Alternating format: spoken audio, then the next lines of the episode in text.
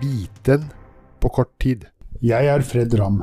Mens stadig flere medisiner godkjennes både av det amerikanske FDA og det europeiske EMA, viser en ny studie at det er en synkende andel som anses å ha høy terapeutisk verdi blant disse.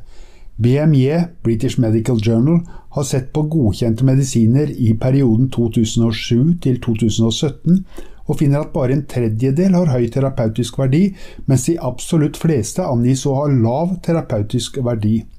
Høy terapeutisk verdi finnes i hovedsak i gruppen der medisinen er utviklet spesielt mot spesifikke problemstillinger der det tidligere har vært et udekket behov.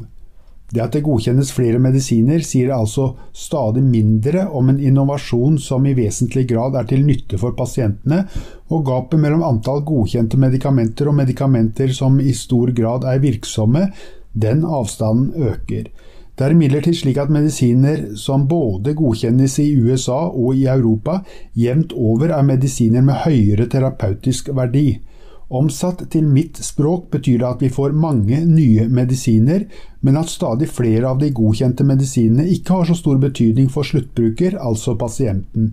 Det kan tyde på at kravene til godkjenning styres mer av at de ikke har negative effekter, enn at de faktisk har god effekt på sykdom. Antall godkjente medisiner er altså ikke et godt mål på utvikling som kommer pasienten til gode.